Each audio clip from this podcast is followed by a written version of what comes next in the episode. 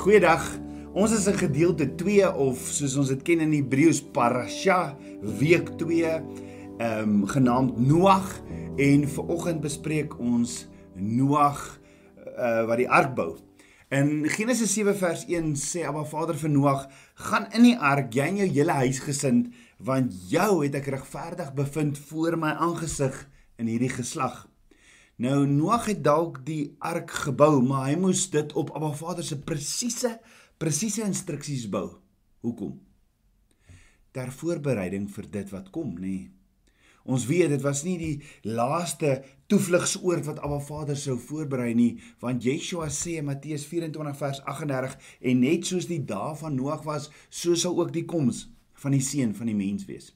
Met ander woorde, Net soos wat die vloed gekom het, so sal die koms van Yeshua wees. Net soos wat die mense nie kon glo water kan uit die lug val nie, net so kan mense ook nie vandag glo dat Yeshua sy bruid in die wolke sal kom haal nie.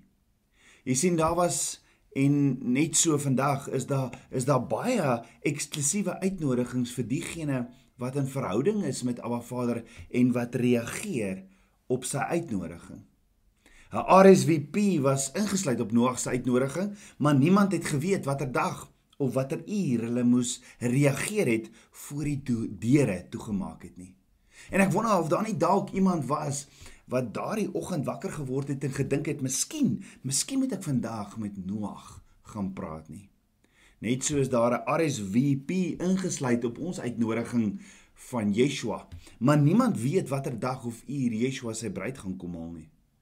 So net soos wat almal kon sien, hierdie hierdie ark is besig om om klaar gebou te raak en hoe verlore die mense raak, net so kan ons sien die tyd loop uit. Yeshua kom al sy bruid binnekort.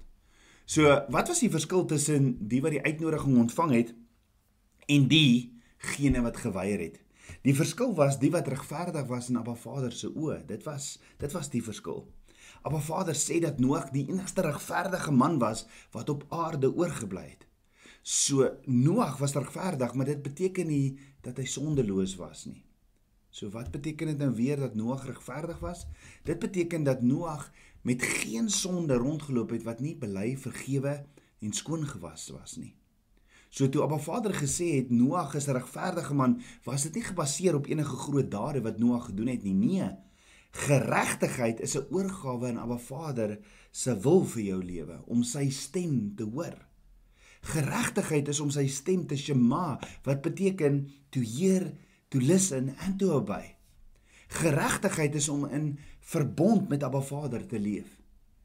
Geregtigheid is om in jou wandel opreg te leef volgens sy woord.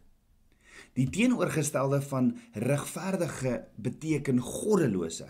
En soos in Noag se tyd sal Abba Vader nie die goeie en regverdige saam met die goddelose agterlaat as Yeshua sy bruid kom haal nie. Maar Yeshua sê egter in Matteus 7 vers 14: Want die poort is nou en die pad is smal wat na die lewe lei en daar is min wat dit vind. Daar was net 7 wat saam met eh, Noag die uitnodiging aanvaar het. Nou daar word vandag deur 'n lou warm geloof gesê dat die grootste verskil tussen die weë van Abba Vader in die Ou Testament en die weë van Abba Vader in die Nuwe Testament is dat 'n persoon moes werk om sy geregtigheid in die Ou Testament te ontvang. En die persoon van die Nuwe Testament ontvang dit as 'n geskenk, as genade. Verder dat dit goeie werke was wat 'n man gelei het tot 'n ongedefinieerde soort verlossing in die Ou Testament.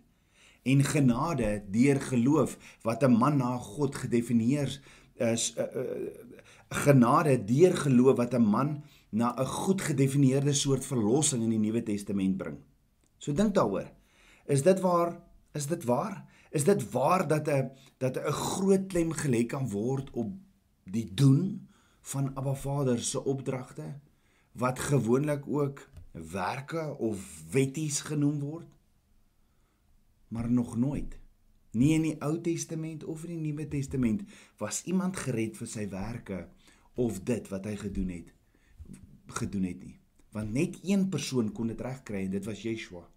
Ons word nie gered deur dit wat ons doen nie en en dit was nog nooit so nie. Jy sien sien die probleem is die lou warm geloof leer dat genade 'n bedeling in die Nuwe Testament era is wat nie voor die geboorte van Yeshua beskikbaar was nie. Met ander woorde, die geregtigheid wat aan die gelowige verleen word, is heeltemal onbewaak en onverdiend en dit is nou net 'n Nuwe Testamentiese konsep. En daarom sê die geloof, moet jy nou kies tussen wet of genade. En nêrens na Ba Vader se woord stel hy ons voor so keuse nie. Maar net voor jy my verkeerd verstaan natuurlik. Die enigste weg na verhouding met Abba Vader is onverdienlike genade, 'n gratis geskenk van Abba Vader gegee deur Yeshua. Yeshua sê, ek is die weg, die waarheid en die lewe en niemand kom by die Vader behalwe deur my nie. Die feit is egter dat die kinders van Abba Vader voor Yeshua eh, nie geglo het dat hulle hulle self na die hemel toe kan werk nie. Hulle het ten volle erken dat geregtigheid 'n geskenk van Abba Vader was uit genade. Want waarom is Noag gered? Maar die res van die wêreld nie. Jy sien genade kom die eerste keer voor in die Ou Testament in Genesis 6 vers 8 waar Ba Vader sê, "Maar Noag het genade gevind in die oë van Jahweh." So Noag is gered want hy het genade in Abba Vader se oë gevind. Noag het nie dit verdien om gered te word nie. Nee, Noag was oorgelewer deur Abba Vader se soewereine hand. Abba Vader het berou gehad dat hy alle mense insluitend Noag gemaak het. Met ander woorde, die feit dat Noag gereg met die feit dat Noag gereg is, is genade. Ongeërfde guns. Met ander woorde, om te kies tussen die wet of genade is vals, want dit was nog altyd deur genade. Die keuse is nooit deur Abba Vader voor ons gestel om te kies tussen wet en genade nie. En die wet Abba Vader se instruksies was was nog nooit 'n verlossingsdokument nie of 'n kaartjie nie. Dit was nog altyd deur genade, die die enigste manier om in 'n regte verhouding met Abba Vader te kom.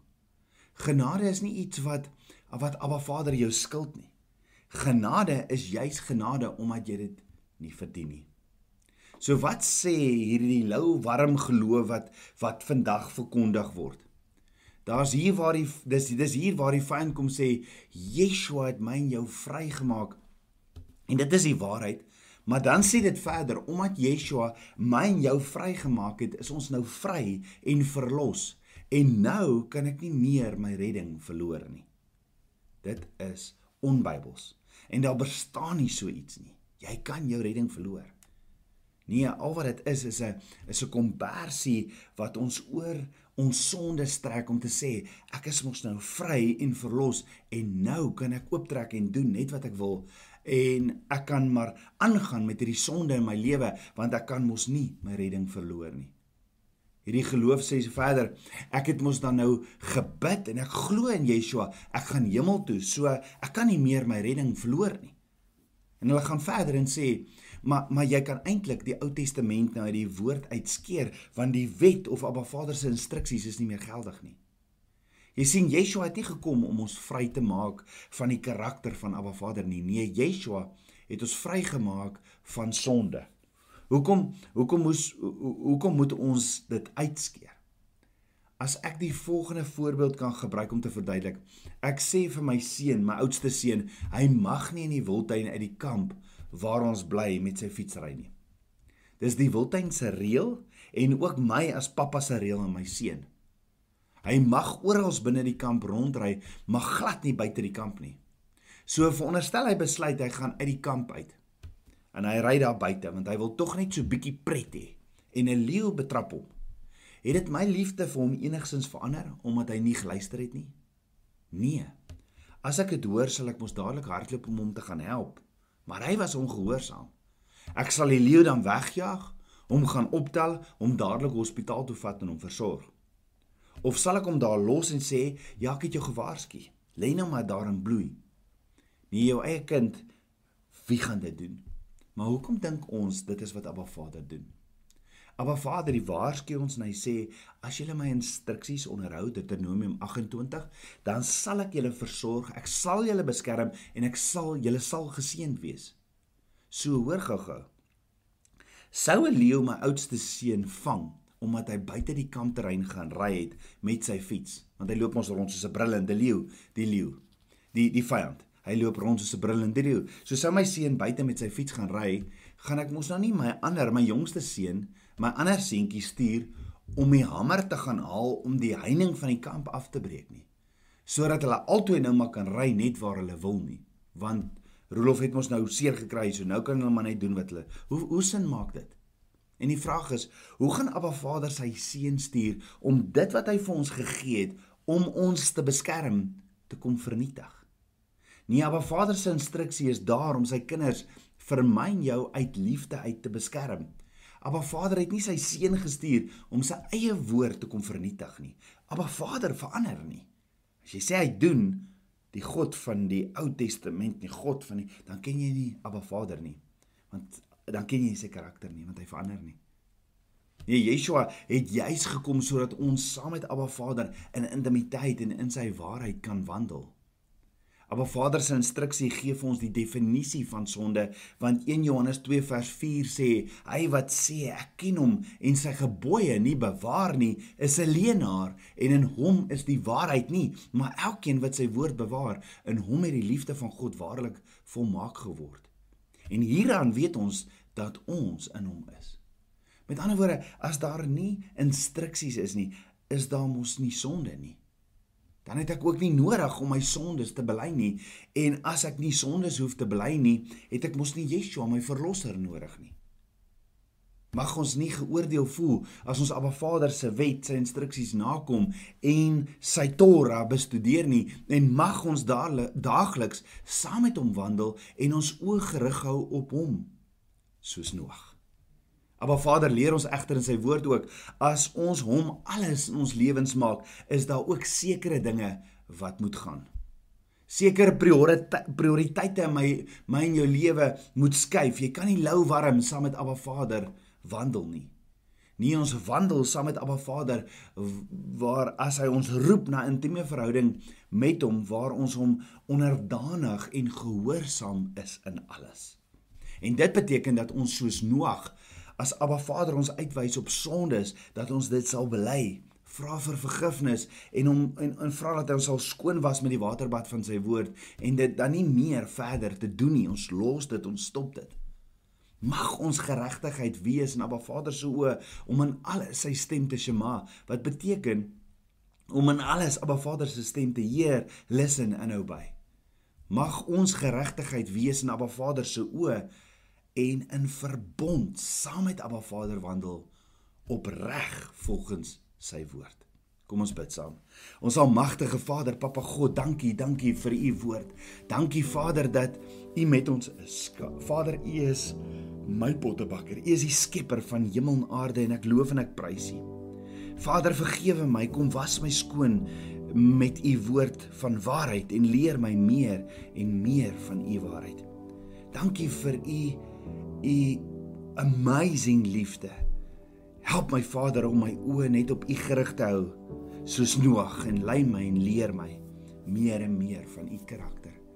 Ek bid dit alles in Yeshua Messie se naam, die seun van Jahweh. Amen. Shalom. Goeiedag Tabernakels kind van Abba. As jy weekliks hierdie preke wil ontvang, gaan volg ons Facebookblad en ons YouTube kanaal en jy sal dit weekliks kry. Mag jy 'n Shalom dag hê. Shalom.